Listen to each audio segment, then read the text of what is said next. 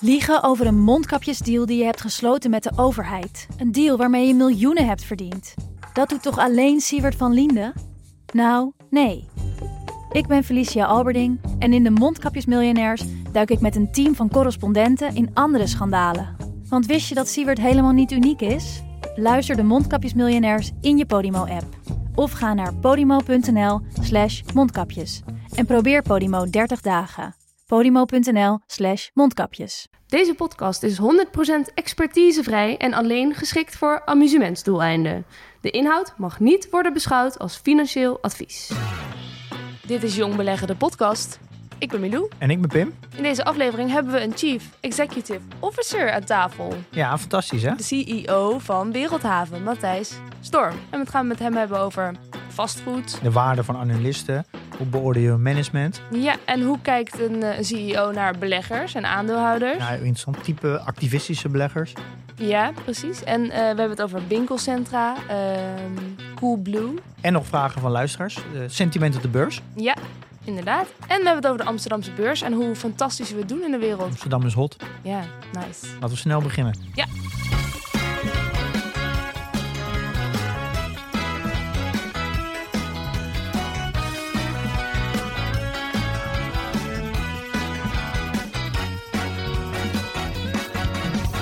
Ja, mooi hè? Een primeur. Ja, dus eh Matthijs Storm zit hier naar ons te lachen. En wij naar hem. Dat is hartstikke gezellig, nu al. Eh, je bent de zittende CEO van Wereldhaven. Dat klopt. Ja, bedrijf ja, eh, in vastgoed. Als ik het heel kort samenvat, mag je straks allemaal nog verder uitleggen. Maar wat me opvalt, en dat is misschien ook wel leuk om meteen even te benoemen, eh, aangezien de podcast toch Jong Beleggen heet, dat je de, ja, misschien wel de jongste CEO van Nederland bent. Ik weet het niet hoor, maar je bent 41, dat klinkt best jong. Ja, ik denk, ik denk wel dat ik een van de jongste ben, inderdaad. Dat klopt. Ja. En dat is ook ergens is dat ook wel leuk. Ehm, en, en ik denk ook als je de mensen in mijn bedrijf zou vragen, dat, eh, ja, dat, dat ze dat ook wel ervaren. Hè. Soms heeft dat zijn, eh, zijn positives. Dat je jong bent. Eh, Dat ik jong ben, hè, in de zin dat ik misschien iets dichterbij eh, sommige mensen sta. En, en misschien ook wel een soort van, van, de, van de nieuwe generatie ben. Ja, Aan de andere kant, ja, ik, ik, ik mis nog de ervaring natuurlijk die een, een CEO heeft die 20 jaar een, een bedrijf heeft bestuurd. Dus dat is, ja, dat is waar mijn mensen het mee te doen hebben. dus, dus je merkt soms ook wel een beetje dat ze je niet de autoriteit geven die je misschien verdient. Nou, maar het is ook een beetje de cultuur die je wilt neerzetten. Dat is, eh, dat is nooit mijn bedoeling geweest om het eh, nou, heel gelaagd of heel hiërarchisch te maken. Dus, eh, bij Wereldhaven was dat al een beetje zo. Maar ik denk dat ik dat verder heb voortgezet. eh, dat we een cultuur hebben gecreëerd met gewoon korte lijnen. En eh, iedereen durft bij elkaar, mag bij elkaar naar binnen lopen en zeggen wat hij denkt. Pim, jij bent ook eigenlijk een soort CEO, toch? Geweest, tenminste. Nou ja, CEO. Ik vind het altijd een beetje een zwaar woord eh, voor een klein bedrijf. Maar gewoon eh, directeur. Ja. Een stukje in het Engels zou je dat kunnen vertalen naar CEO. Maar Ja. vind, dan moet je wel een eh, bedrijf van eh, serieuze omvang hebben. Ja. ja. En hoe, en hoe kom je op dit punt dan, Matthijs? Want ja, ik, ik, ik heb me enigszins ingelezen. Ik denk niet dat we je hele cv hoeven te bespreken. Maar bedrijfseconomie gestudeerd. Met wat vastgoedvakken. Ja. Je moet me maar onderbreken als ik eh, het iets Ja, nee, maar tot nu toe eh, klopt het allemaal. Oké, oké. Ja, ja. Ehm, toen ben je in 2003 bij Camp Co begonnen. Klopt. Als ja, analist van Europese vastgoedaandelen. Nou, eigenlijk daarvoor nog als aandelenhandelaar. Daarvoor. Maar dat, daar, daar praat ik nooit heel veel over, omdat ik, dat, dat was niet helemaal mijn ding. En toen ben ik inderdaad analist geworden. Aha, oké. Ja. En daarna naar Fortis Bank voor Ja. de eerste ja, managementpositie dan. Ja. Naar Londen ben je zelfs geweest. Het Ja. financiële centrum van de wereld natuurlijk. Niet meer toch nu? Nu niet meer, maar wel geweest. Toch? Op dat moment eh, denk ik wel, ja. Ja, Hoe, eh, hoe heb je daar ook gewoond lang? ja ik heb daar eh, vijf en een half jaar gewoond. Ja, dit is natuurlijk wel echt de plek om te zitten als je iets in de financiële sector eh, wil doen. Ja, en zeker op die jonge leeftijd is dat hartstikke leuk. Ja, Dan eh, heb je nog niet te veel verplichtingen en dan kun je, eh, nou ja, dan, eh, dan is de wereld in één keer heel groot, zeg maar. en voor je het weet ben je CEO en heb je allemaal verplichtingen. En heb je wel allemaal verplichtingen, ja. precies. Ja. Ja. staat je hele agenda vol. Ja, en dan heb ik me ook laten vertellen eh, dat je zelf institutionele belegger bent geweest. En dan vraag ik me af, wat is een institutionele belegger? Nou, een institutionele belegger is eigenlijk een, een, een, een belegger die optreedt namens een, een instituut, namens een bedrijf, bijvoorbeeld een, een verzekeraar of een pensioenfonds. Eh, nou, ik heb niet voor zo'n partij gewerkt, maar ik heb gewerkt voor, hè, dat, dat is dan weer een tussenlaag, een vermogensbeheerder of een asset manager in het Engels. Eh, dat was eigenlijk eh, in mijn Londen-periode werkte ik voor ING Clarion Real Estate Securities. Dat werd later CBRE. Mm. Dat is een vermogensbeheerder die naar pensioenfondsen en verzekeraars gaat en zegt: Goh, jullie willen een stukje van je geld in vastgoedaandelen beleggen. Daar zijn wij heel goed in. Geef dat stukje aan ons en met allemaal restricties beleggen wij dat voor jullie. En dat Ja. heb ik eigenlijk, zeg maar, toen ik terugkwam naar Kempen, naar Londen, ben ik dat ook bij Kempen gaan doen eh, in de afdeling eh, Kempen Capital Management. Eh, dat is het vermogensbeheer van Kempen. Maar, maar dat is eigenlijk wel interessant, want je bent dus analist geweest, waar je dus bedrijven geanalyseerd hebt, onafhankelijk eigenlijk dan, denk ik. Ja, ja. Dan ben je vermogensbeheerder geweest waar je eh, het eigenlijk kocht, aankocht. En dan ben je nu eh, CEO van een bedrijf waar dat wordt gekocht. Ja, Dus dat is ook, het is wel een driehoekje die... eh, Het is wel een driehoekje en dat, dat, ge- dat, is ook, dat is wel weer een voordeel. Eh, dus ik weet zeg maar hoe, hoe analisten naar ons kijken. Ik weet hoe beleggers eh, naar ons kijken. Eh, dus dat helpt mij ook in de, in, de, in de communicatie en in de roadshows naar beleggers die we op, eh, opzetten. We zitten eigenlijk nu middenin, we hebben net jaarcijfers gerapporteerd. Ja, ja, ja. De rest van deze dag eh, heb ik eh, ook allemaal meetings met... eh, ja, daarom zitten we hier ook zo vroeg nu. Ja. ja. Maar Pim, jij vertelde, we hebben het eerder een keer over die roadshows gehad. Maar dat, dat doe jij dus ook nog steeds. Ja, dat doen wij eh, sowieso twee keer per jaar. Doen wij een roadshow. Dus na de jaarcijfers en na de halfjaarcijfers. Het is nu allemaal een beetje anders natuurlijk met de Ja. COVID. Het is nu echt een hele dag van 's ochtends vroeg tot 's avonds laat. Ja, in een kamertje zitten met een scherm. Leuk. Eh, sorry? Klinkt leuk. Ja, nou, het begin van de dag is dat leuk. En aan het einde van de dag dan, eh, dan heb je het wel gehad. Ja. Eh, no- normaal is dat eigenlijk leuker. Want dan ga je naar Londen, naar Parijs, naar Frankfurt, naar New York, naar LA, ja. Ja. eh, naar Hongkong. En dan ga je daar al die beleggers bezoeken. Dus dat is natuurlijk ook leuk om, om even in hun kantoortje te zijn en, en die mensen daar te zien. En dat, dat, dat is er nu niet. Eh, Maar het, het idee van de roadshow is eigenlijk, even heel simpel gezegd, Wereldhaven verkopen. Ja. Eh, omdat, zodat ze gaan beleggen in Wereldhaven. Ja, Wereldhaven is, wij hebben gekozen als Wereldhaven om een beursgenoteerd bedrijf te zijn. En, en, en die aandelen op de beurs zijn dagelijks verhandelbaar. Dus je moet ook op regelmatige basis en communiceren met persberichten en presentaties. Maar ook die beleggers regelmatig spreken om ze Ja. inderdaad te enthousiasmeren voor in ons geval eh, de nieuwe strategie. Nog Ja. veel kort, wat is Wereldhaven precies? Wereldhaven is een eh, Nederlands beursgenoteerd bedrijf, een beleggingsmaatschappij. En wij beleggen in, voornamelijk in winkelcentra in drie landen: Nederland, België en Frankrijk. Ja. Totaal 27 winkelcentra hebben wij in de portefeuille. Dan hebben we nog wat kantoren en retailparks in België, maar dat is eh, een kleiner stukje van de portefeuille. Nou, is er volgens mij wel één ding eh, duidelijk is deze tijd geworden. Dat vastgoed het heel zwaar heeft. Vooral door, eh, door corona natuurlijk, een lockdown. Eh, en daarnaast is, eh, is volgens mij heel vastgoed eigenlijk wel in een transitie. Er, en ik denk Wereldhaven ook. Kan je daar wat over vertellen? Ja, zeker. Ik denk dat eh, meerdere typen vastgoed in transitie zijn. Dat klopt. Eh, woningen en logistiek vastgoed zijn natuurlijk afgelopen jaren en nog steeds. eh, hè, die hebben de wind mee. Ja. En, en, en ondanks de, de coronaperikelen doen die het nog steeds eigenlijk best wel goed. Ja, mensen moeten nog steeds ergens wonen. Ja, en, en eh, hè, online retail onder andere is eh, natuurlijk best wel hard gegroeid in de, in de coronatijd. En daar hebben die, die logistieke eh, providers hebben daar natuurlijk eh, baat bij. Eh, gezondheidszorg vastgoed is ook een, een sterk groeiende categorie. Ja. Kantoren eh, vastgoed heeft het heel goed gedaan de afgelopen jaren. Oh. Het is nu eigenlijk een, een soort vraagteken geworden. Hè, van Ja, ja, ja. gaan we nou allemaal thuiswerken of niet? Wij hebben twee kantorenparken in Vilvoorde, in eh, Brussel en in Antwerpen-Berghem in België. Dus wij volgen dat wel met een schuin oog. Nogmaals, het is, het is een stukje van de portefeuille. Voor ons is het belangrijkste eh, retail, winkel, vastgoed. En dat is een categorie die het, eh, nou, als je echt wat verder teruggaat eh, naar begin jaren 90, vanaf dat moment heel goed altijd gedaan heeft. Eigenlijk meegevaren op de consumentenhost die er ontstaan is vanaf die tijd.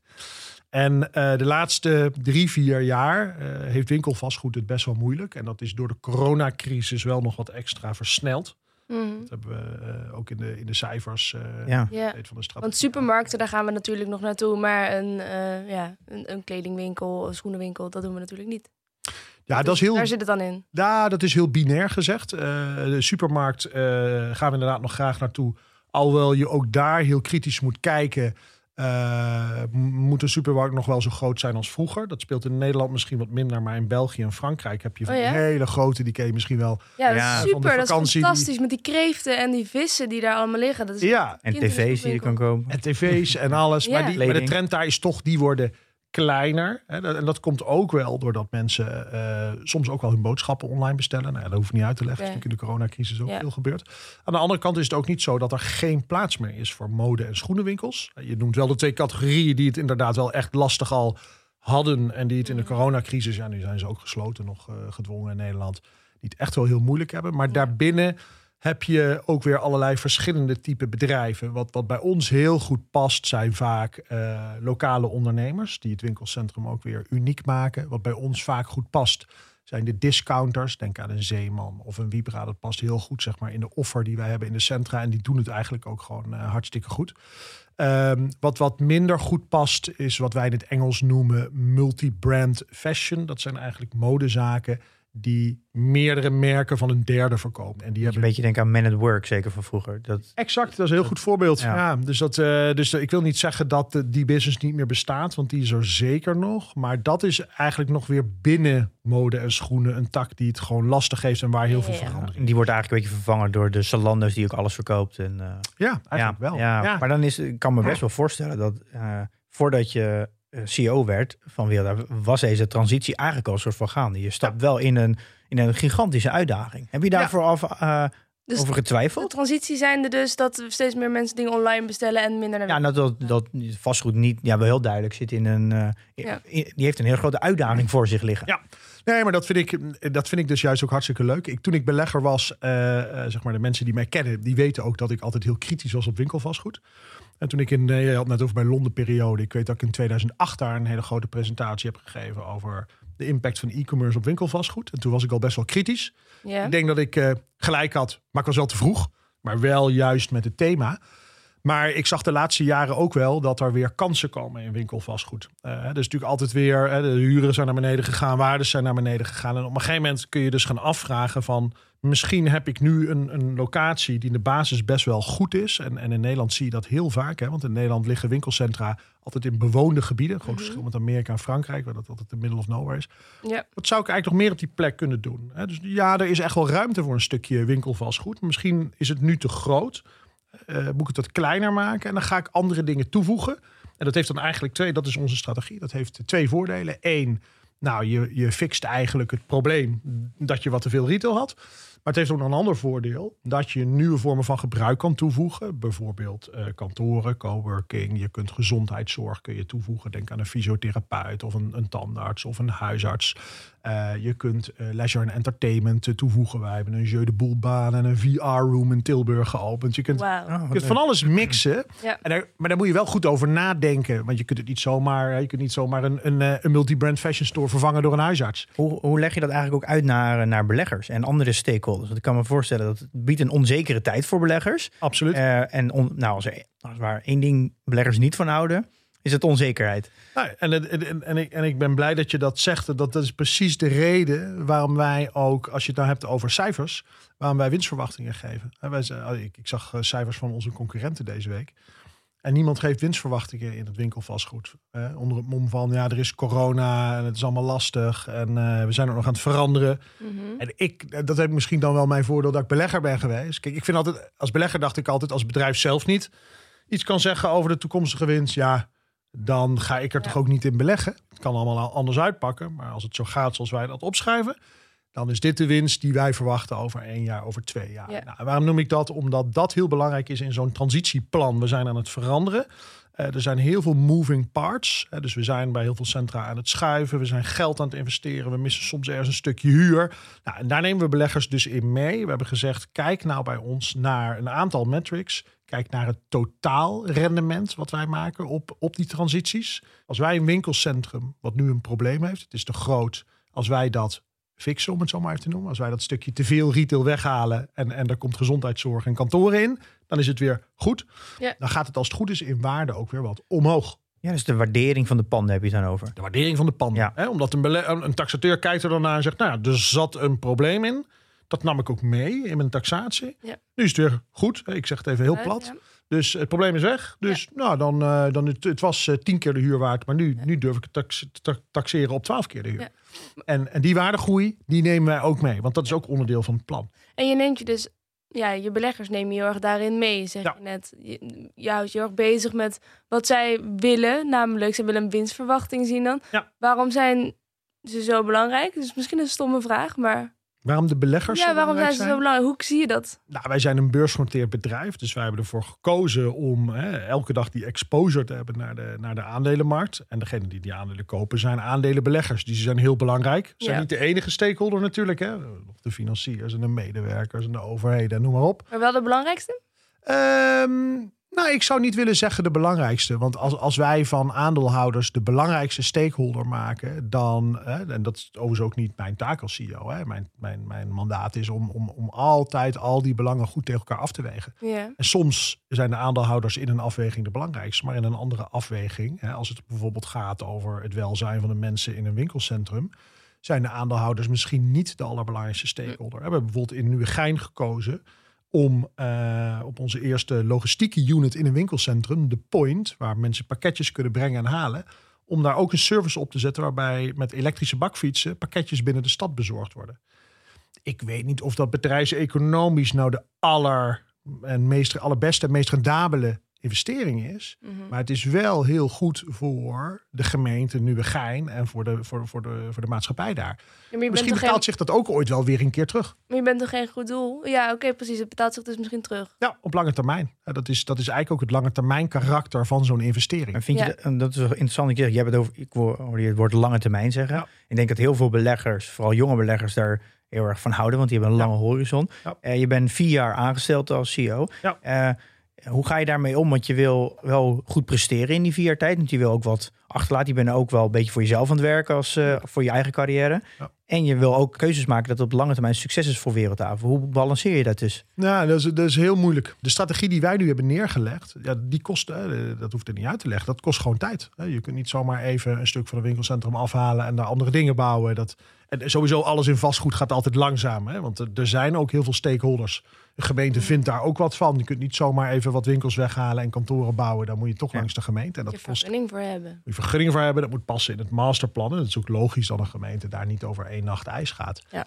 Eh, en dat is inderdaad best wel eh, eh, lastig te combineren met een termijn van vier jaar. De vraag is natuurlijk na vier jaar, wat is je track record? Wat kun je laten zien in termen van transformaties? Ik denk als ik eh, nu kijk waar ik sta met mijn team. eh, april 2023 verloopt mijn termijn. Dus ik heb eigenlijk nog twee jaar binnen die termijn. Ik denk dat we op dat moment eh, zeker twee projecten getransformeerd hebben. Dus we hebben wel iets van evidence. Maar dat zijn twee projecten, dus dat is nog niet een hele grote portefeuille.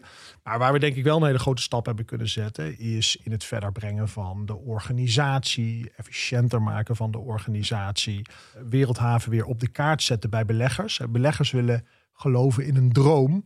Dus als wij die droom goed kunnen visualiseren en, en tastbaar kunnen maken, dan kun je ook met twee transformaties kun je heel veel bereiken. Ja, dat is eigenlijk, dan heb je het eigenlijk over de fantasie eh, die moet in Wereldhaven komen. Want ik, het- Dat is waar het om gaat. Om, Ja, ik, kan me, ik heb een stuk gelezen over de aanstelling. En daar werd gezegd door de woordvoerder eh, dat jij ook bent aangesteld onder andere om het, het, het succes in de ogen van de aandeelhouder terug te brengen. Ja, en dit is ook een van de redenen waarom ik wel naar Wereldhaven wilde komen. Want ik ken het bedrijf wat... Had het een imagoprobleem?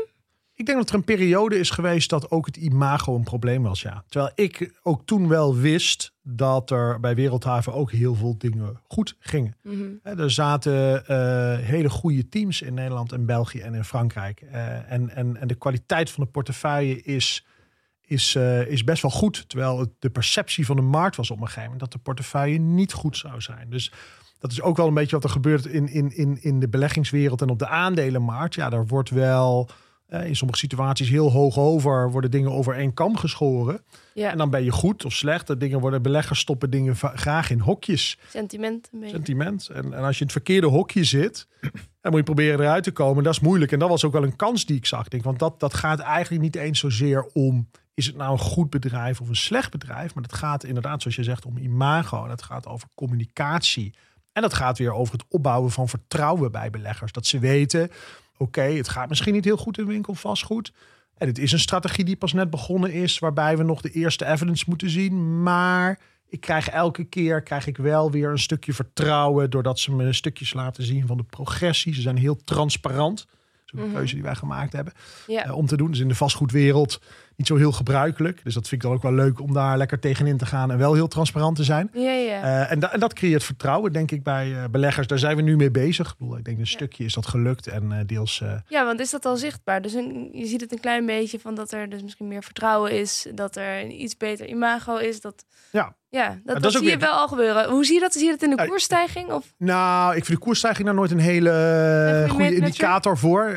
Want je weet nooit daar zitten ook allemaal technische dingen achter. Kijk, op, ja. Op termijn is dat natuurlijk is dat wel een belangrijke indicator. Maar ik zeg maar even om te meten wat jij net zegt is het belangrijk om bijvoorbeeld de notes van de analisten te lezen. Uh, de feedback na zo'n roadshow waar we het net over hadden. Ja. Dus uh, de, de, de bank die dat organiseert, die, die sturen een heel uh, verhaal. Die hebben al die beleggers gesproken. Die hebben gezegd, goh, jullie hebben die meeting gehad met Matthijs en Dennis, Dennis de Vrede, onze CFO. wat vond je ervan? Nou ja, dan kun je lezen wat men ervan vindt. En ik denk dat we daar aan de ene kant zijn we goed op weg. Want we krijgen positieve feedback van, nou, het is een hele realistische strategie uh, management is open, management is transparant als een van de weinigen in de industrie. Maar het is ook nog best wel kort dag. Ja. Dus uh, het, is, het is ook pas anderhalf jaar. Dus, ja. uh, ja. Maar is, ik vind het wel interessant. Ik, ik vind het heel interessant dat jij zowel analist bent geweest als natuurlijk nu CEO. Je, je gebruikt toch wel een beetje de analisten als ook een, ja, een soort van spiegeling van of het goed gaat of niet. Zeg ik dat goed? Ja, nou, dit is. Gaf, wel, je dat ja, ook terug, gaf je dat ook terug toen je analist was? Ik, ik, denk dat ik was er toen nog niet zo mee bezig, moet ik eerlijk zeggen. Maar nu heb ik dat wel in mijn hoofd zitten. Ik weet wel hoe een analist denkt. En het, het, ik, het raakt mij ook niet als een analist uh, Wereldhaven op een cell rating zet. Nee, of als nee. een analist schrijft dat het management iets verkeerds doet. Uh, omdat ik weet, dat is niet persoonlijk bedoeld. Maar dat is, nou, dat, is, nou, dat is de visie van de analist. Dat komt uit zijn of haar model. En uh, prima. Nee, Ja. Als dat wat eruit komt, dan moet je ook mee leven. Je bouwt het een niet beetje... persoonlijk maken. Dat heb ik al vaak gezien bij managementteams toen ik analist was. Dan zette ik een bedrijf op een cel en dan belde hij altijd nog even van tevoren met het eh, management of met de investor relations. En dan zag je toch wel dat som- Uitleggen. sommige bedrijven, nee, maar die daar gewoon begrijpelijk niet blij mee zijn, maar die daar ook echt een probleem van maakten en, en daar emotioneel van werden. Ja, maar ik kan me Eh. ook voorstellen, ik- als je het vergelijkt met een schrijver die een boek schrijft en vervolgens wordt er een recensie geschreven over dat boek. Ehm, ja, als dat gewoon een vervelende recensie is, dan raakt het de schrijver natuurlijk. Of zie je het niet als een recensie? Ja, maar ik vind dat ook als je auteur van een boek bent. Dat is nou eenmaal de grote mensenwereld. Hè? Ja, sommige mensen vinden het leuk wat jij schrijft en anderen niet. En degene die het Ja. niks vinden, die zullen daar een slechte recensie over schrijven. Dat is heel pragmatisch. Eh, ik, ik vind dat juist ook gedurfd als je dat doet. Hè. Kijk, als je het even over, als je het over films hebt. Ja, eh, en, eh, er zijn Hollywood films die eh, allemaal goede recensies krijgen. En die in elke bioscoop draaien. Ik hou juist van die, van die films hier in die bioscoop hier, hier bij jullie om de hoek. Hè, die, Ja. eh, die misschien bij driekwart van de mensen niet aanslaan. Maar bij een kwart juist echt wel. En dat is ook met onze strategie zo. Ja, er, er, zal, er zullen mensen zijn die zeggen... die vent is hartstikke gek. Die zijn er overigens ook hoor. Die gaat toch niet winkelcentra verbouwen... en eh gezondheidszorg erin zetten. Hoe haal je het in je hoofd? Ja? Oh, wat grappig. Maar ja, bij, bij, bij recensies over films heb je natuurlijk wel een aantal mensen die zijn, hebben zoveel bereik. Ja. En het is wel, nou in Nederland ook Ja. sommige eh recensenten van boeken, die schrijven in kranten. En het is wel echt, als je daar, als je de eerste openingsweekend echt wordt afgekraakt, dan kan je eigenlijk bijna het succes van het boek bijna wel vergeten. Dan, die hebben heel veel macht. En ik denk ook dat er ongetwijfeld een aantal analisten zijn Ja. die, waar, waar heel erg veel naar gekeken wordt. Waar andere lis- analisten denken, ja, maar als die analist zegt dat het niet goed is, ja, dan ga ik eigenlijk als analist er ook niet tegen in. Ja. Eh, want dan zet ik mezelf voor gek. Ja, daar zit natuurlijk een verschil in dat een, een, een ik kan voorstellen dat een boek of een film heeft een, een kortere shelf time dan een strategie van een bedrijf. Dus bij de strategie van een bedrijf heb je altijd nog een kans om uiteindelijk weer toch dat vertrouwen te krijgen of misschien wel de media daarin mee te nemen. Wij hebben ook vorig jaar, toen we de strategie presenteerden, eh, is er wat pushback gekomen vanuit een activistische groep eh, aandeelhouders. Mhm. En eh, die kregen tractie bij het Financieel Dagblad. Eh, En Oké. het Financieel Dagblad heeft daar best wel eh, wat dingetjes over geschreven. Ook niet altijd leuk eh, eh, voor mij eh, en voor ons als Wereldhaven. Maar daar helpt het denk ik weer dat ik analist ben geweest. Ik heb ook wel eens iets geschreven over een bedrijf wat misschien niet zo leuk was. Dus dan denk ik, ja, weet je, wie ben ik om daarover te oordelen? We moeten gewoon zorgen dat we dat sentiment veranderen. Wij zijn met die groep in gesprek gegaan. We spreken ze nu twee keer per jaar. En dat is nu heel positief gedraaid. In de zin dat we nu gewoon hele constructieve meetings met elkaar Ja. hebben. Ik merk vooral onder de luisteraars ook dat er heel veel gekeken wordt naar analisten. Vooral als die op, eh, vooral met aandelen wordt de koers weer verhoogd. En dan Ja. heel vaak reageert de, eh, de koers daar ook op. Ja. Ehm, en wat vind, hoe moeten de luisteren, die jonge beleggers, kijken naar analisten? Nou, het eerste wat je je moet afvragen is voor welk bedrijf werkt deze analist? Ik ga geen namen noemen, maar heel veel analisten zijn natuurlijk niet geheel onafhankelijk. Als een analist werkt voor bank ABC en bank ABC is bijvoorbeeld ook de adviseur van dat bedrijf en de financier van dat bedrijf. Je kunt je ook voorstellen dat het hè, voor de business van, de, van die bank, hè, die ik even ABC noem, niet heel goed uitkomt als die analist vijf jaar lang een sell rating op een Ja. stok heeft. Daar, ga maar eens in Bloomberg kijken naar, Ja. naar alle stocks. Er zijn altijd meer buy ratings dan sell ratings. Altijd. In, in- Nou, ik heb gelezen dat 40%, van, 40% zit analisten naast. Ja. En hij is bijna altijd te positief. Ja, nou ja, dat, dat, dat is, dit is een van de redenen. Dus waar ik altijd wel heel veel nadruk op legde, is op onafhankelijkheid van de analist. Check altijd wie het geschreven heeft. Dat is eigenlijk de boodschap. Niet de naam van de persoon, maar wel de organisatie waar hij of zij voor werkt. En, en, en je kunt als je een beetje graaft daar ook best wel achter komen of er nog verder links zijn tussen bijvoorbeeld die bank en eh, het bedrijf waar het om Ja. gaat. Hetzelfde als dat Jort Kelder de minister-president interviewt. Dan moet je ook even bedenken, die mensen zijn wel vrienden met elkaar. Maar dat betekent niet dat het een slecht interview is per se. Nee, maar ja, Jort Kelder zou zich ook af kunnen vragen of het, zo, toch? of het zo verstandig is. Hè, om, omdat iedereen weet dat zijn vrienden zijn. Dus Ja. ja, hoe geloofwaardig ben je nog? Nou ja, dat is wel een soort van transparantie toch die je dan hebt. Dat zou, dat zou Wereldhaven moeten prijzen, transparantie. Ja, daar heb je een punt. Ja, dat is, eh, dat je, dit, dit, het, goed. het, het- dit kernwoord van het betoog. Ja, ja, ja, andere discussie natuurlijk. Ja. Dat zit je volgens mij niet goed, hè, dat Jorkel. ik, nou, ik word voortdurend... eh, Ik heb het op Twitter gezien, maar ik krijg... Ik, ben, ik, ik werk voor het radioprogramma van Jort Kelder. En ik krijg daar telkens vragen over. Ik, mijn standaard reactie is nu... Ik ben even klaar met verantwoording afleggen. Sorry. we hadden het altijd van tevoren al besproken hè, dat dit zou gebeuren. Ja, klopt. Ja. Wist ik ook. Dus. Ehm, nou, ehm, je gaf net aan over de activistische belegger. Je hebt natuurlijk eigenlijk, je kan beleggers eigenlijk best wel opdelen in categorieën. Ik denk de jonge belegger. Ja. Eh, nou, dat zijn vooral denk ik de luisteraars. We hebben misschien de traditionele belegger. Ja. Die zal denk ik veel meer op de cashflow zitten, denk ik. Dividendachtige type belegger, die misschien meer belegt voor het inkomen. Ja. En dan de activistische belegger. Hoe, hoe ga je daarmee om met verschillende type beleggers? Eh, door met al die beleggers te praten en, en, en ook goed te absorberen wat willen zij graag. En, en, en als wij keuzes maken, probeer je natuurlijk de belangen van al die beleggers probeer je mee te nemen. Dus dat is, eh, en dat is soms best wel lastig. Ehm, even op jouw categorisatie. Inderdaad, jonge beleggers, althans zoals ik dat zie. Maar eh, daar, daar weten jullie natuurlijk ook van alles van. Misschien wel meer dan ik. Mm. Die zijn voor ons best wel moeilijk te bereiken namelijk. Daarom vind ik het ook leuk om, om, om, om dit een keer te doen. En, en om eens te horen wat ook de jonge beleggers van ons vinden. Maar mijn perceptie is dat die veel meer gericht zijn op groei. Je Ja. gaf net zelf al aan, hebben natuurlijk ook meer tijd eigenlijk. Hè, dus die kunnen het ook, zich ook veroorloven om wat meer lange termijn te beleggen. En, en misschien in een bedrijf te beleggen wat nu nog niet zo winstgevend is, maar dat wel gaat worden. Ja. Dan denk, denk je natuurlijk meteen aan die, die Amerikaanse techbedrijven. Ja. eh, en, en, en dat is eh, geen slechte belegging geweest, denk ik. Mm, nee. Ehm, en, en, en wat je vaker ziet bij de, eh, nou, de wat, wat meer, wat, wat oudere beleggers, is dat er focus is op waarde. Dus eh, de discussie die we net hadden, eh, intrinsieke waarde van het bedrijf versus de beurskoers. En als die beurskoers dan lager is, oh, dan kun je daar waarde uithalen.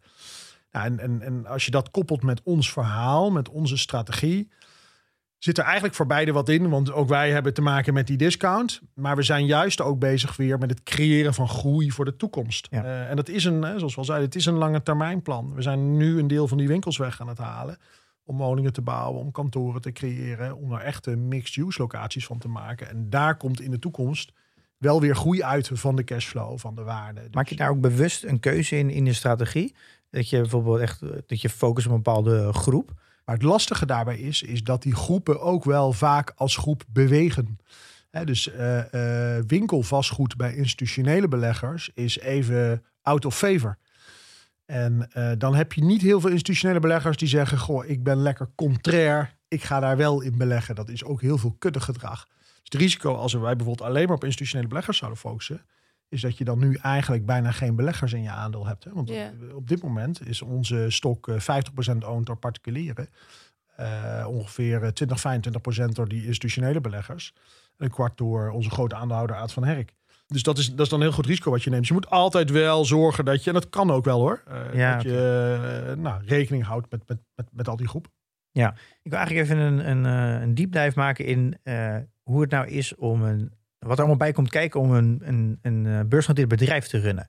En we, wij zijn ook heel veel dingen wel bekend. Je hebt natuurlijk de, koersgevoelige informatie, de voorwetenschap van insiders, ook de strenge AFM-regels, denk ik. Ja. Eh, en rondom persberichten en updates en de, de cijferseizoen. Kan je eens ons meenemen, hoe werkt dat zo allemaal? Ja, dus dat, dat, dat governance gedeelte waar jij het over hebt, dat is, eh, dat is best wel een complex gedeelte inderdaad. Er is een best wel groot formeel gedeelte waar je ook echt wel goed over na moet denken. Hè. Dan heb ik het over directievergaderingen. Eh, dus de vergaderingen die ik heb met Dennis de Vrede, mijn CFO en de secretaris. waarin belangrijke besluiten genotuleerd worden. En dat is heel belangrijk, ook voor mijn aansprakelijkheid. Stel, wij verkopen een winkelcentrum, eh, zoals we dat recent hebben gedaan, een stukje onder de boekwaarde. Nou, dat hebben we voor hele goede redenen gedaan. Maar dan moeten we wel heel goed notuleren waarom dat zo is. En zeker vorig jaar, toen het zo spannend was, spannend met corona. Maar voor onszelf ook best wel spannend, omdat wij in een hele grote herfinanciering zaten. En door corona gingen al die banken eigenlijk nou ja, op slot en moeilijk doen en langzaam. En nou, dan moet je heel goed opletten wat je doet, hoe je het opschrijft, hoe vaak je dat doet, op welke momenten. Daar moet je echt bewust mee bezig zijn. Ja. En ook hoe je dat communiceert met de Raad van Commissarissen. Ik heb een informatieplicht naar de RVC. Dus ik moet belangrijke informatie moet ik altijd delen eh, met de RVC. Dan, ja, wat is belangrijk? Daar moet je dus een afweging in maken. Ja. Eh, en, en dat is een spel, zeg maar, wat altijd doorgaat. Eh, rondom de vaste, ik noem het even, events, jaarcijfers, halfjaarcijfers en ook wel de kwartaalcijfers heb je een, een, riedeltje wat altijd afgedraaid wordt. Dus eh, voor de financiële mensen is dat het sluiten van de boeken. Dan gaan we de cijfers opmaken per land. Eh, daar wordt nog wat in gefine-tuned. Dan wordt het allemaal geconsolideerd. Dan gaan we daar een verhaal van maken naar de markt met onze investor relations. Komt er een Ja, presentatie en een persbericht. Dus om Ja. een beetje gevoel te geven, die jaarcijfers die wij gepresenteerd hebben vorige week vrijdag, daar, zij, daar beginnen we mee, half november. Zo. Eh, Half, half november. ja, Maar het klinkt ook alsof je dus gewoon eigenlijk meer verantwoording aan het afleggen bent dan dat je echt de baas aan het spelen bent. Ja, maar het is geen fulltime job vanaf half november. Dus nee, eh, oké, maar ook, ook eh, altijd notuleren wat je doet, uitleggen welke keuzes je maakt. Dus, eh, en, en dan moet je ook weer iets uitleggen aan de raad van commissarissen. Ja. ja, je bent eigenlijk een soort eh, diplomaat. eh Ja. Ja. wordt er wel eens in boeken gezegd. En dat Ja. is eigenlijk ook wel een beetje zo. Maar er is, Eh, er is me voor mij, mij wel vaak verteld dat als een bedrijf niet eh, op de beurs zit om echt geld, kapitaal op te halen, Ja. kun je er beter eigenlijk maar gelijk van afgaan. Want het leidt zo extreem af van je, eh, van je werkzaamheden, omdat er gewoon heel veel bij, bij komt kijken. dat, is, dat is zeker waar. Eh, er zit wel iets extra's in, vind ik. Is dat het creëert ook een stukje discipline. Als je bijvoorbeeld privaat bent en je hebt één aandeelhouder, dan heb je een, een andere manier van rapporteren en communiceren. Het dwingt ons wel om extra goed over dingen na te denken. Je gaf aan dat je ook met, eh, met, veel met de CFO zit, denk ik. Het cijfers is natuurlijk een heel belangrijk onderdeel. Ehm, hoe erg kan je, eh, dat is misschien meer een algemene vraag, hoe, maar hoe erg kan je de, de cijfers ook nog beïnvloeden? Want winst is natuurlijk boekhoudkundig best wel makkelijk te beïnvloeden. Is dat, zit je daar echt ook heel strategisch in? Nou, de, eh, vroeger was het denk ik makkelijker, maar toen is IFRS gekomen en tegenwoordig is, de, is natuurlijk de controle van de accountants ontzettend strikt. En gelukkig, gelukkig maar, dat is goed voor, voor jullie als beleggers. Maar even tussendoor, dat zou je dus doen omdat je dan aantrekkelijker bent voor beleggers die winst eh, hoger uitlaten. Nou ja, wi- winst is eigenlijk boekhoudkundig natuurlijk. Ja. Eh, Ja. Dus je ja, kan, precies. dus Maar dan, dan word je aantrekkelijker. nou ja, daar kan je meer opvallen. Ja, ja. Waar jij wil opvallen. Ja, nou, het is, in vastgoed is dat sowieso denk ik al moeilijker dan in... Kijk, bij vastgoed is het eigenlijk allemaal vrij eenvoudig. Hè? Wij krijgen huur binnen en we maken wat kosten. En, eh, en onderaan de streep blijft wat over. Bij sommige bedrijven gaat het om goodwill en allemaal ontastbare elementen in zo'n in zo'n eh, P&L. Ik kan me voorstellen dat ja, daar is het misschien, heb je veel meer discussie ook met de accountant van mag ik dit nou opnemen, ja of nee. Ja, daar wordt heel streng gecontroleerd. Hè. Die beginnen ook heel vroeg met het boekenonderzoek en die komen met bevindingen. En, en daar heb ik ook echt wel profijt dat ik een hele ervaren CFO heb. Eh, Ja. Maar ik denk voor de beleggers, eh, en dat is trouwens misschien ook wel, zeker bij beursgenoteerde bedrijven, een soort van extra geruststelling. Ondanks dat het, hè, het verleden met Imtech en andere bedrijven gezien, wel eens een keer mis kan gaan. Over het algemeen, als ik kijk hoe strikt zo'n en dicht zo'n accountant zoals KPMG bij ons erop zit. eh, ik denk als een belegger dat zou zien, zou die daar wel een goed gevoel Dat eh, daar krijgen. is heel goed dus, ja. ja. Absoluut, omdat zij ook wel verantwoordelijkheid hebben. Dus een, ehm, ja, als, je als jonge belegger, als we, we hebben altijd die, die cijferseizoenen, daar kijk je natuurlijk altijd ook wel eigenlijk naar uit. Waar, waar, wat zou je altijd meegeven aan de jonge beleggers waar je heel erg op moet letten als, eh, in dat cijferseizoen? Dat verschilt per cijferseizoen. Ehm, ik zou nu bijvoorbeeld heel erg letten op outlooks van bedrijven. Daarom vind ik het zo belangrijk in onze business. Geef nou die winstverwachting. Ik zie allemaal collega-bedrijven van mij, wat trouwens hartstikke goede bedrijven zijn. denk, waarom geef je nou geen winstverwachting? Omdat er corona is. Uh, je kunt toch bepaalde, hè, je kunt zeggen, luister, we hebben bepaalde lockdowns nu die duren tot op dat moment. Als dat de situatie is, dan denken we dat dit de winst is. En elke maand extra lockdown kost ons 15 cent per aandeel. Dus Ja. reken zelf maar uit wat er gebeurt als er Ja. extra lockdown Kijk jij daarnaar, Pim, bij de winstverwachting van bedrijven? Ja, nee, je kijkt wel heel erg naar outlooks. En ik vind altijd, ik, als ondernemer, ik ben zelf ook eh, ondernemer, je, je maakt altijd scenario's. Die, Volgens mij doet een beursgenoteerd bedrijf, die doet niks anders dan scenario's maken, want daar maak je ook begrotingen op. Ja. Dus ja, als, als een bedrijf zegt dat hij geen outlook kan geven, dan zeg je eigenlijk, ja, we hebben geen begroting. Ja. Eh, Dat vind ik zelf altijd heel raar. Ja. Hey, ik zou daarnaast ook eh, goed nadenken over, niet alleen maar over de inhoud, maar ook over de vorm. Hè? Dus een bedrijf komt met een persbericht. Eh, Is, is dit een logisch moment voor een persbericht? Waarom doen ze dit nu? Waarom was het niet vorige week of waarom niet volgende week? Waarom staat er iets niet helemaal helder omschreven? Wat zit er? Je kunt daar best wel veel uit afleiden. Hè? Want eh, Dat jullie een stelletje manipulators zijn? Of? Nee, dat, dat, nee niet, dat, dat is niet. Ja, manipulatie, dat, dat werkt bij mij dan zeg maar de, de negatieve, Ja. negatieve gevoel op. Ja, ik pest ook Ehm, een beetje. Nee, dat mag. wel wat je bedoelt. Ja, dat mag, dat mag. Maar dit, dit- dat is, eh, ja, hoe moet ik dat zeggen? Eh, als bedrijf moet je natuurlijk heel goed nadenken van ja, hoe gaan we dit Je zeggen? maakt keuzes. Ja, en ik geef even een voorbeeldje. Stel nou dat wij bezig zouden zijn met een transactie in België. En wij schrijven stukjes landenrapportage over alle drie de landen. En het stukje over België is heel beknopt. Dat zijn ook vaak signalen van, hey, zou daar iets spelen Ja. aan de hand zijn? Dat, dat, daar moet je ook naar kijken. Niet Ja. alleen maar Maar dit zegt dus eigenlijk Ja, wel, als je dus een bedrijf, dan moet je het bedrijf eigenlijk goed kennen. Want dan kan je, als je dus, dan heb je meerdere keren persberichten gelezen. Zo, dan ga je op een gegeven moment de dynamiek en zo wel voelen van, hé, hey, ik zie mijn afwijking. tip zijn, althans vind ik als belegger, en zeker als je jullie luisteraars, jonge beleggers, gaan nou niet proberen 500 bedrijven te volgen en allemaal. Maak je keuzes van, van, van industrieën die jij, zou ik zeggen, leuk vindt. Als je het leuk vindt, dan is het ook leuk om je erin te verdiepen. Mhm. En volg daar dan wat meer van. Lees ook eens een keer een jaarverslag. Ik val me altijd op dat heel weinig beleggers en analisten dat echt doen. Ze gebruiken wel de balans en de P&L. Er staan heel veel interessante dingen in jaarverslagen. Hoe Die, groot is een jaarverslag? ja, maar als je gewoon eens een keer op een zondag... Ik, weet het niet. 200 pagina's? Ja. Ah, dan kun je, een boek. als, je, als je dat vaak gaat doen, dan kun je, zoals wij dat noemen, power skimmen. Ja, Weet je wat het is? Nou, ik kan me wat bij voorstellen. Ja, Ja. je, en, en, en, dan, en er staan echt interessante dingen in. Maar ik, soms hebben wij ook wel dingen in het jaarverslag staan dat ik denk, waarom stelt nooit iemand daar een vraag over? Ja, ja. Het, het is gewoon niemand leest, leest dat Ja. ding. Je, je had het al een paar keer over management. Eh, dat is natuurlijk een heel belangrijk onderdeel voor beleggers om een management te beoordelen. Eh, hoe, hoe kan je daar als belegger een management goed beoordelen en inschatten vanaf je computer? Kijk, alles wat je op de computer doet, daar hoef je denk niet. hè, Ik denk dat jonge mensen daar, eh, die zijn er vast nog handiger in dan, eh, dan ik. Want eh, to- toen ik analist was, is ook alweer 15 jaar geleden. Ach. Dus dat, Je bent 41 man. Ik ben 41, ja, maar ik zie dat bij die jonge mensen. Dat als ik, als ik die, die jongens en meisjes zie die, die op mijn kinderen komen oppassen. En hoe handig die met al die dingen zijn. En dat is ook logisch, weet je. Dat, Mhm. Dus weet je, dat hoef ik denk ik niet uit te leggen. Iets wat ik wel zou willen meegeven is... denk bijvoorbeeld ook aan peers van het bedrijf. eh, leveranciers van het bedrijf. eh, concurrenten. Weet je, daar kun je ook mee praten soms. Hè? Dus als je het over Unilever hebt... natuurlijk, eh, dat management krijg je niet te spreken. Maar Nee. je kunt wel, daar, daar, daar, daar zwerft natuurlijk heel veel bedrijven omheen... die daar iets mee te maken hebben. En daar kun je Ja. misschien wel mensen van spreken. Dat kan Ja. je ook wat vertellen over het bedrijf Oh ja. Waar ik dat heel vaak voor gebruikte, is ik had een bepaalde, ik zou je een voorbeeld geven, eh, Unibuy eh, Rodamco, dat is een van onze concurrenten nu.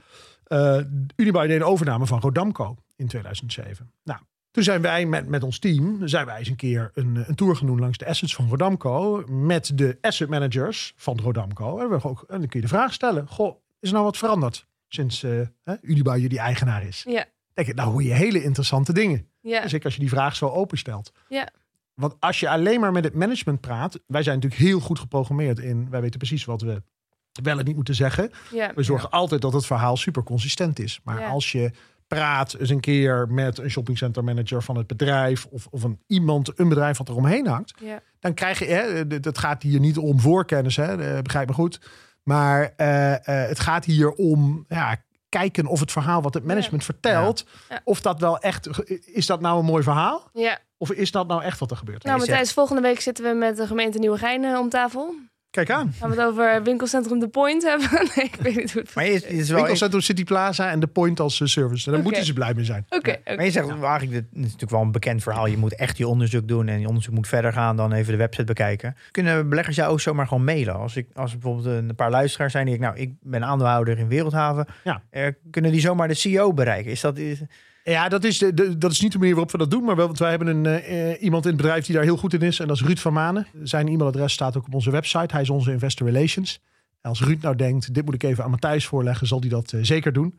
Dus dat is eigenlijk de manier waarop we... jullie beantwoorden wel alle vragen van de, van de beleggers. Ruud beantwoordt alle vragen van beleggers. Ja, een tijd geleden wat over CrowdStrike verteld. Dit is Ja. een holding en cybersecurity. En die heeft mij benaderd of ze, als ik vragen heb en of ze die kunnen ze beantwoorden. Ze hebben jou benaderd. Ja, of eh, als ik veel meer vragen heb, als ik meer wil weten over het bedrijf, dan eh, Oh. eh, kan ik met diegene bellen. Ah, wat leuk. Dat is wel, eh, Ja. eh, denk ik, ja, dat is eigenlijk best wel, is heel proactief natuurlijk. Ja. En, Ja. Maar ik denk ook wel vrij normaal, denk ik. Je bent de hele dag bezig met je bedrijf zo goed mogelijk presenteren. Ja. En eh, bij een breed publiek. En ja, dan moet je je ook openstellen voor vragen. Maar dan vind ik eigenlijk dat je weinig CEO's in de media ziet.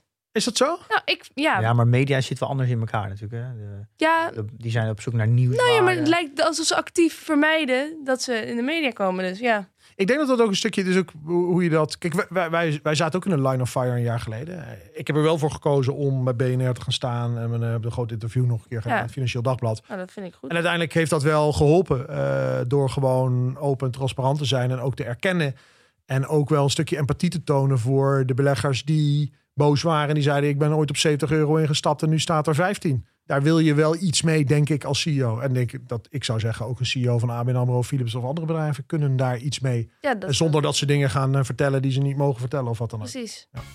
En dan hoor ik de muziek van eh, de Portfolio Dividend Tracker Update. Maar laten we die overslaan toch, Pim? Want We, we- we zitten een aflevering vol. Ja. Volgende week weer. precies. Maar we willen wel de eh, nieuwe vrienden van de show bedanken.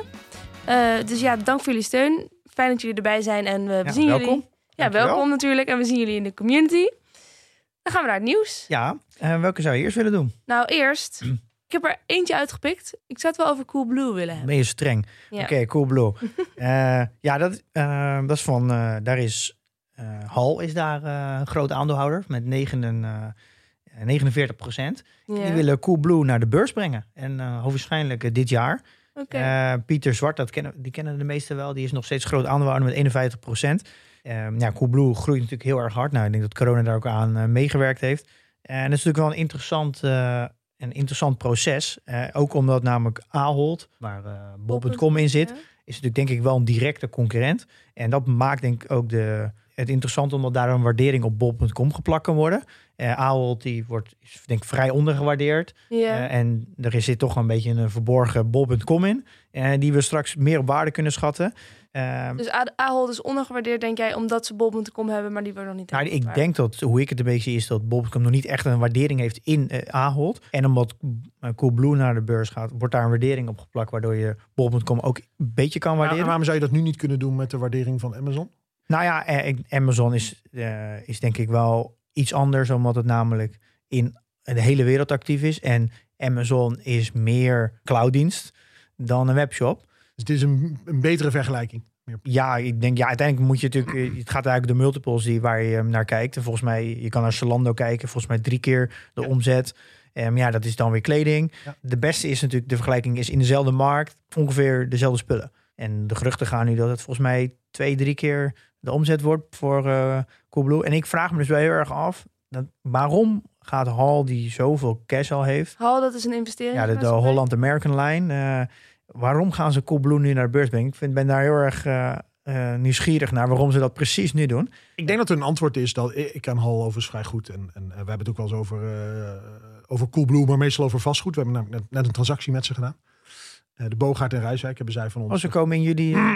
ja, ze, nee, ze, ze komen niet als huurders. Ze hebben dat winkelcentrum van ons gekocht. Oh, oké. Oh. Maar ik denk dat dat met groeiplannen te maken heeft. Dus ik denk dat eh, ik zou verwachten, hè, dat heb ik niet met Hal besproken hoor, maar dat, is, eh, dat zou mijn verwachtingen zijn, dat zij eh, hele ambitieuze groeiplannen hebben als Coolblue. Ik denk dat Pieter het overigens fantastisch eh, gedaan heeft. Ik heb hem een paar keer ontmoet en eh, ook, ook voordat Coolblue eh, eh, zo groot als dat het nu is. En, eh, Mhm. Ja. Man met een, met een mission, maar ik denk dat zij een enorm ambitieuze groeiplannen hebben voor het buitenland. En nou kan ik me ook wel voorstellen dat Hal denkt, ja, hè, eh, zijn super committed, maar nou, om nou hè, al die groeiplannen voor, eh, wat was het, 49% te gaan financieren. Dat is misschien ook weer wat enthousiast. En dat, dat is natuurlijk een uitgelezen moment om de beurs uh, erbij te betrekken. Nou, dat is misschien wel het beste verhaal. Misschien het enige verhaal eigenlijk dat je kan vertellen. Maar ze hebben al best wel veel cash. Dus ik ben wel heel benieuwd wat er uh, worden. Het wordt wel een interessante tijd in Amsterdam. Nou ja, Londen wel even aangegeven dat het langzaam verschuift tot een beetje als financieel centrum. Amsterdam wordt echt uh, een beetje de beurs waar iedereen naartoe wil. Ik denk dat wij hebben, we zijn sowieso langzaam een techbeurs aan het worden. En we trouwens year to date hebben wij gewoon betere performance dan de S&P. We, we, hebben zelfs we performen nu net zo goed als de Nasdaq dit jaar year to date. Dikes. We zijn de beste presterende beurs in Europa.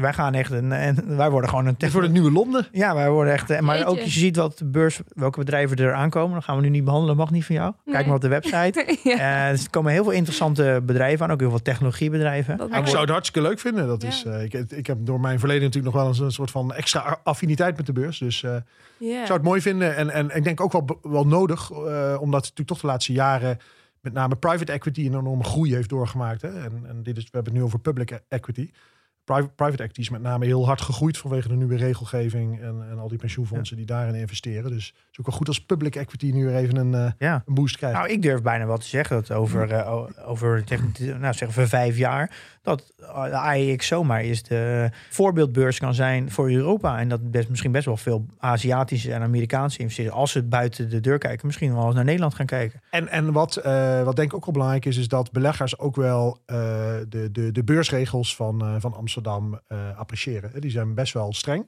Ja. als je bijvoorbeeld vergelijkt met Toronto, dat is een beetje in de beleggerswereld de piratenbeurs. Ja? Oh. Als je als bedrijf wat minder, wat minder regels wil voldoen, dan ga je voor een Toronto-listing. Misschien ook weer even een tip. Oh, als bedrijf de listing verplaatst van, uh, van een land naar Toronto, dan uh, okay. moet je misschien ja. ook even nadenken waarom dat is. Nee, maar dat zijn wel belangrijke dingen. Ja. Uh, als, als belegger wil je juist graag uh, dat er gewoon een goed kader is van regels voor het bedrijf waarin je belegt. En ja. In Nederland is dat er gewoon. Nou, je merkt wel echt een transitie. Want ik, uh, Just Eat had gezegd, nou we gaan naar Londen toe. We zeggen Amsterdamse notering op. Dat is op een gegeven moment on hold gezet. En je merkt nu al, we weten het niet zeker. Ik denk dat ook Just Eat blijft gewoon lekker in uh, Nederland en niet laat Londen vallen. Je merkt echt een hele verandering in, in Amsterdam. En wel echt als Nederlandse belegger, je hebt veel meer uit te kiezen. Interessante bedrijven. wordt toch meer gevolgd door de Nederlandse pers. Er wordt meer over geschreven, dus je informatie is ook makkelijker voorhanden. Ik denk dat het eigenlijk alleen maar uh, gunstig is voor, uh, voor de Hollandse beleggers, denk ik. Ja, hebben we het er toch een beetje over gehad, hè? Yes. Zullen we naar je portfolio? Uh, ja, geen transacties gedaan. Ik ben weer wat gestegen, nou, volgens mij al 14 dagen op rij. Ja. 201.400. Oké. Okay. En misschien wel om te zeggen, ik heb in mijn portfolio sheet, en die de meeste mensen denk ik wel een keer hebben gezien, heb ik een extra tabblad bij gemaakt. En dat heet returns. En daar heb ik even een berekening gemaakt uh, wat de uh, rendement is per jaar. En daar heb ik ook rekening gehouden dat het uh, ingelegde geld ook een waardering krijgt op welke periode je van het jaar in hebt gelegd. dus nu heb ik een, die heb ik even aangepast. Dus als mensen dat ook willen, dan kan je dat eruit halen. Oké. Okay. En zal ik mij dan ook maar even doen, mijn portfoliowaarde? Ja, kom op. 4.579 euro en 50 cent. En waar was je mee begonnen? Met uh, nul, toch, uiteindelijk? Met nul? Dit is mijn totale portefeuille Ja, ze, uh, Malou legt elke, ma elke maand 500 euro in. Ja, dus ik was... Ah, uh, oké. Okay. Volgens mij heb jij nu 4000 euro totaal ingelegd. Ja. Zegt dus, oh ja, dus 500 zoveel. Ja. 11 procent ja, ja, of zo. Ja. Oh, netjes. Ja. Iets meer, ja. Gaan we naar reviews? Um, ja, we hebben ja, weer maar eentje kiezen, denk ik. Weer maar eentje kiezen, denk ik. Heb jij een voorkeur deze keer? Ik vind dat berichtje van Bram wel leuk. Oké, okay, dan zal ik die even voorlezen. Uh, hoi Mido en Pim. Ik zou graag een keer jullie mening willen horen over twee dingen. Uh, ten eerste, de markten zitten op een all-time high en blijven echt enorm stijgen sinds de dip in maart 2020.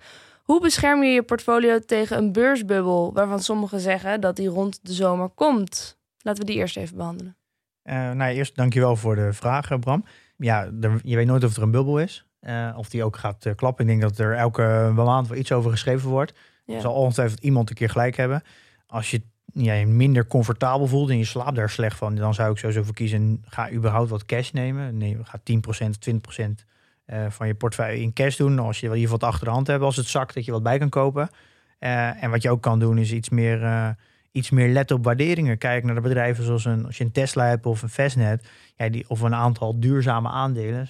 De, vooral de electrification eigenlijk, die, die hoek. Ja, die zijn gewoon heel hard opgelopen qua, qua waarderingen. Waar je kan zeggen, nou, het is misschien wel een beetje duur. En misschien moet ik wat meer naar defensieve aandelen gaan, zoals supermarkt of telecom. Ja. Ik zou altijd blijven kijken naar bedrijven met een extreem sterk eh, en duurzaam concurrentievoordeel. Je ziet toch wel in de tijd dat het slecht gaat, dat dat wordt gezien als veilige havens. Dus dan Ja. kan je eh, een beetje, eh, misschien je portefeuille iets schuiven. Maar ik zou vooral niet, vooral als je lange horizon hebt, niet te veel timen. Dus ehm, ja, ik zal er niet zoveel druk om maken. Als het gebeurt, dan gebeurt het. Oké, en eh, punt twee is, en die is misschien ook wel leuk voor Matthijs. Ehm, ik vind het super interessant hoe jij je verdiept in bedrijven en op basis daarvan handelt.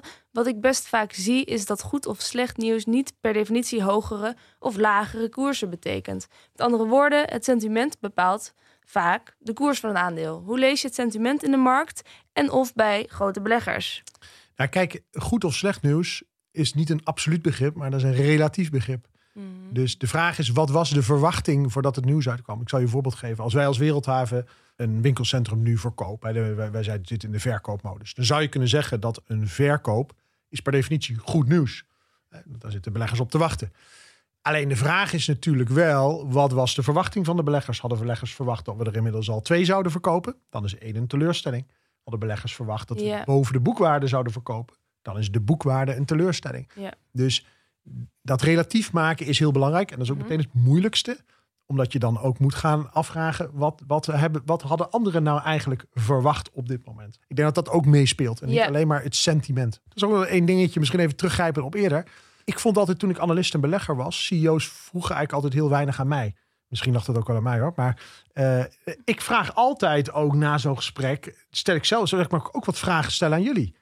Eh, Ja. Ben je belegd in Wereldhaven? Waarom? Waarom niet? Wat Ja. vind je wat wij beter kunnen doen? Er zijn heel weinig managementteams die dat vragen aan beleggers. Terwijl je wel zoveel tijd eraan spendeert. Ben je eigenlijk belegd in Wereldhaven? Zeker, ja. ja. Ja. Ik heb iets van 70.000 aandelen. Dus best eh, Vind, vind je ook dat als een CEO extra zelf aandelen koopt, bijkoopt? Vind je dat, is, super belangrijk. dat is iets waar je ook als Is belegger heel heel, erg op zou letten? Ja, zou ik echt op letten. Het is wel een heel duidelijk signaal Ja. eh, wat, een, wat een management geeft. eh, Ja. door, door zelf aandelen te kopen. Misschien nog even, nog even terugkomen op die eh, eh, sentimentindicatoren. Dat ga ik nu niet benoemen, maar ik heb ze op de website wel, wel gezet. Je Ja. hebt dan de, de VIX-index. Dat meet eigenlijk de, de be- soort bewegelijkheid van de index. Dus Oh ja. gebaseerd op de opties die gekocht worden. En het geeft eigenlijk een beetje aan wat er... Of het wordt gebaseerd op de opties van de komende 30 jaar. Hoeveel de index het komende jaar zou kunnen bewegen. Dus die wordt heel erg, ook, die wordt ook heel erg gebruikt. Ja. Eh, hoeveel angst er eigenlijk in, eh, in de beurs zit. Ja, ja. Eh, we hebben nog de Buffett in de indicator en de, de Schiller PA. Eh, en dat zijn eigenlijk drie indicatoren. Ik heb ze uitge- uitgebreid op de website, ook een linkje naar, naar alle grafieken toe. Die geven alle drie aan dat het eh, overgewaardeerd is en dat de beurzen vrij hoog staan. Oké. Er is volgens mij Ja. geen enkele indicator te vinden die, eh, die, die, je tegen, die het andere... Misschien is het tijd voor nieuwe indicatoren. Ja. ja. ja, dat zou ook kunnen, ja. Oké, nou, eh, tot zover de twee vragen van Bram, waarvan één beantwoord door een echte CEO, Matthijs Storm. Ehm, maar ja, we gaan afronden, hè, Pim. Eh, volgende week, wat gaan we doen? We gaan het hebben over wat is een aandelen- en claimemissie. Nou, ik denk dat de me- nou, je gaat er gewoon sowieso als belegger een keer mee te maken hebben. Dus het is goed om weer een, eh, eens even een aflevering waar we even eh, lekker gaan duiken in eh, droge kennis. Oké, spannend. Ik heb nog geen idee wat het betekent. Rest ons nog één ding, namelijk Matthijs Storm te bedanken. Dat was leuk. Hartstikke leuk, dank voor de uitnodiging. gehoord. Ja, leuk. Leuk, ja. leuk gesprek. Ja, je hebt genoeg gepraat voor de rest van de dag, denk ik meteen ook. Ja, eigenlijk wel, maar ik heb, ik heb nog een hele dag te gaan, maar dat maakt niet uit. Dus, Oh ja, dat, is, dat dat is is mijn werk de hele dag praten. Is ook zo, je gaat een roadshow op. Nou, Ja. veel succes daarbij. Dan kunnen wij ook wel CEO zijn. Wij kunnen ook de hele dag praten. Ja, precies. Ik, Hoe- ik, heb- ik heb nooit gezegd dat het heel moeilijk is. Nee. Goed. Bedankt. Ja, leuk, ja, leuk dat je er was. Ja, leuk dat je er was. Ja, Ehm, en dan tot slot, investeer in je kennis en beleg met beleid.